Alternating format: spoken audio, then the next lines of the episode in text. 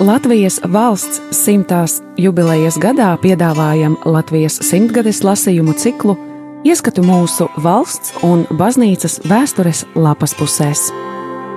Julians Vaivots Septiņi mēneši Liepājas cietoksnī. No 1944. gada 9. oktobra līdz 1945. gada 9. maijam.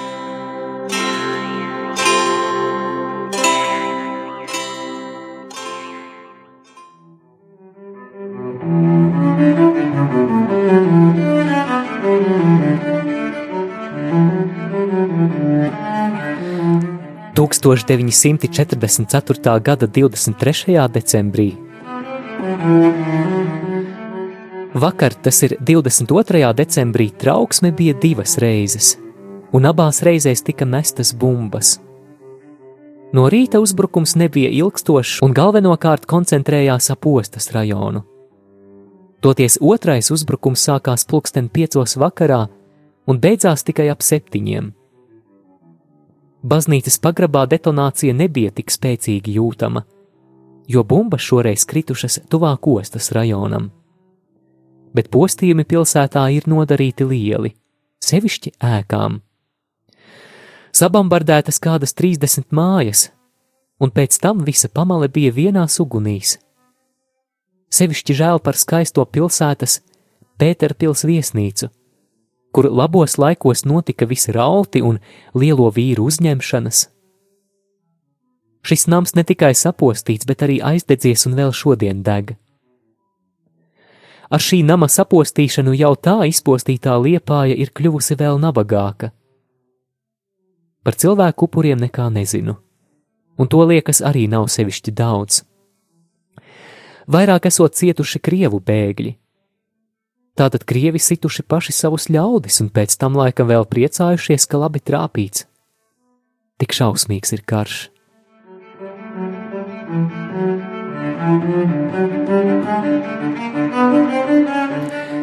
Šodien līdz puspieciem jau bija divi uzlidojumi, bet nevisai spēcīgi. Lai Dievs dod, kā ar to pietiktu. Laiks sāk drusku mākties, Varbūt Dievs apžēlosies un uz svētkiem dos tādu laiku, ka cilvēki vismaz miera svētkos liks paši sevi mierā. Šodien jau pulksten septiņos rītā biju aizgājis izvadīt kādu līķi. Sakarā ar uzlidojumiem tagad visas apbedīšanas notiek no rītiem agri.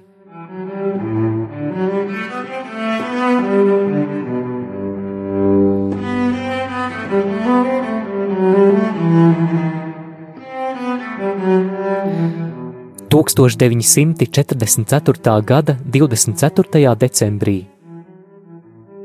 Pulkstenis seši vakarā. Pagriežu radio un dzirdu pieteicam programmu Ziemassvētku nakts dziesmas. Tūlīt arī dīja Luftslāge Kampferband im Anflug nach Westdeutschland. Tanī pašā laikā, kad vācu bērni maigās balstiņās pa radio skandina kluso nakti, Aiz Lamanša kanāla pieauguši cilvēki ved viņiem svētku dāvanu - sēru un uguni. Saprotams, tas pats jāsaka vice versa par vāciešiem, jo arī tie nav eņģeļi, kas angļu bērniem kaisa svētku konfektes. Vāciešiem nav pat jālido uz Angliju, viņi tik lādē un šauj savus V1 un V2, lai londonieši tik spēj gaidīt. Pēc kāda laiciņa radiofonā pārtrauc svētku programmu un ziņo Schwacher Schnellkampf, Flugzeugverband auf Süddeutschland, vāja ātra cīņa lidmašīnu grupa uz Dienvidvāciju.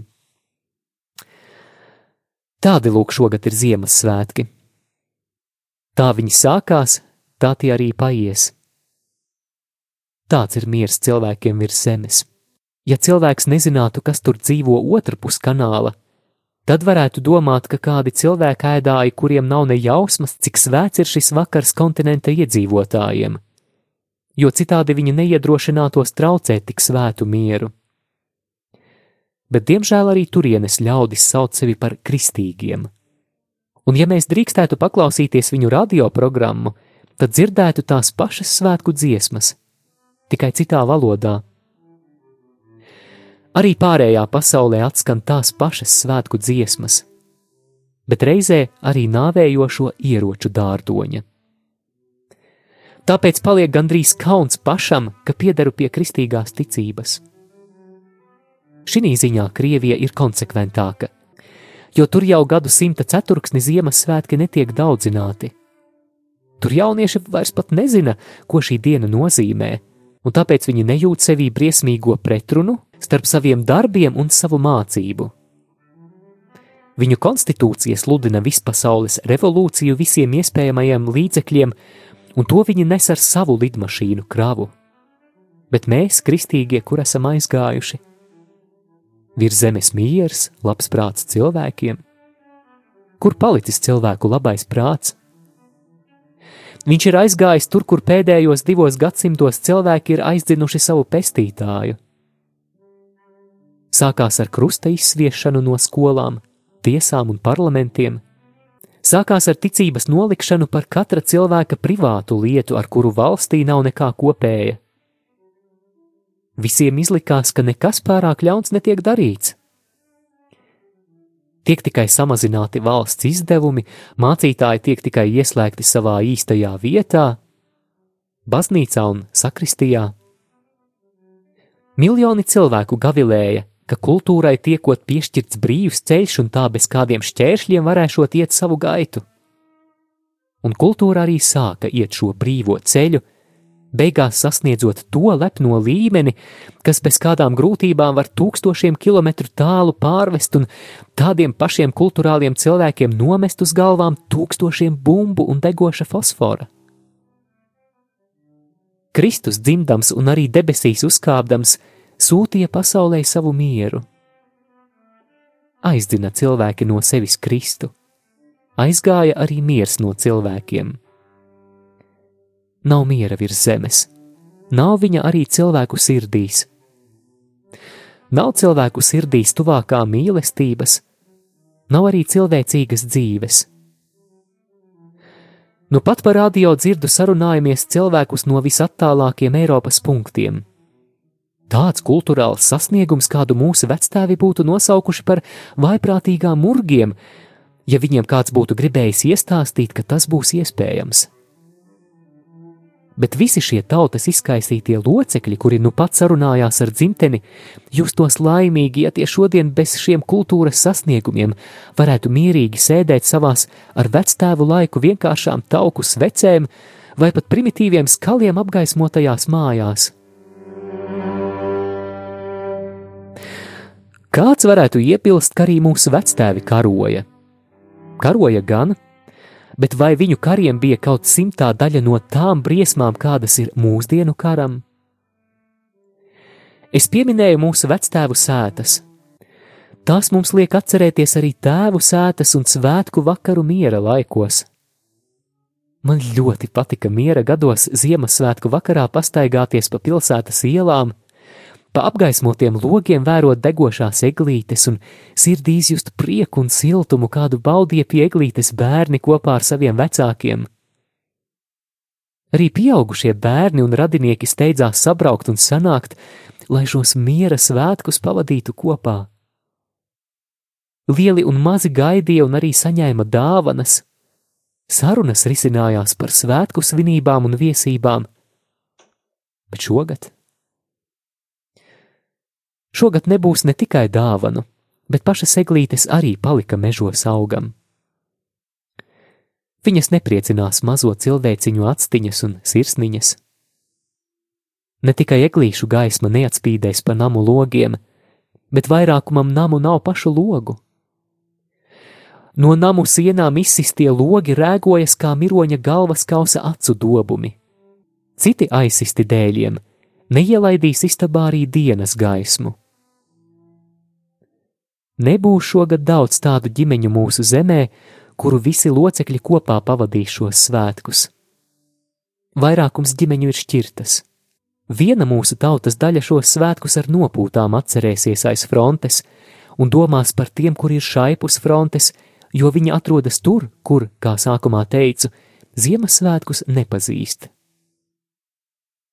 Otra tautas daļa Vācijā šodien sapņos par radiem un tuviniekiem dzimtenē. Citi tautieši, atstājuši savas dzimtās sētas, mitinās pa svešām lauku sētām neziņā, kurp tālāk doties un kur būs viņu ceļa mērķis. Šo cilvēku liktenis tiešām ir traģisks, jo viņi no kara dārdiem bēg kā izbaidīti meža zvēri un nezina, kur tā drošākā vieta, kur varētu bez bailēm apstāties un atpūsties. Mazs viņu traģisma piemērs. Šodien pie manis atnāca kāda bēgle, jauna lietuviete, kurai nometnē miris astoņus mēnešus vecs bērniņš, un nezina, ko iesākt, jo zārciņu viņa dabūs tikai pēc svētkiem, bet nometnē līķīti nevar turēt. Te jau vairs nav žēlabas par mirušo mazulīti, bet tikai neatrisināma problēma, kā mirušo dabūt zem zemes.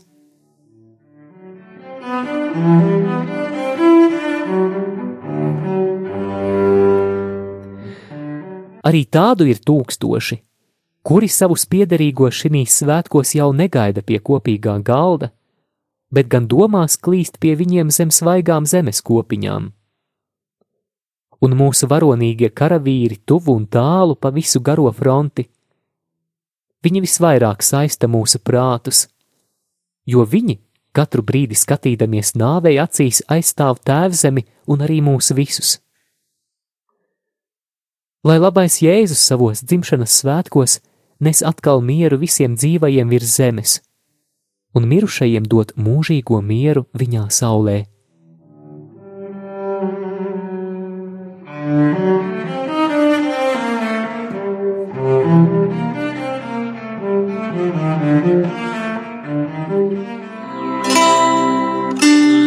Radio Marija Latvija ēterā Latvijas simtgadēji veltīti lasījumi. Julians Vaivots Septiņi mēneši liepājas cietoksnī. No 1944. gada 9. oktobra līdz 1945. gada 9. maijam.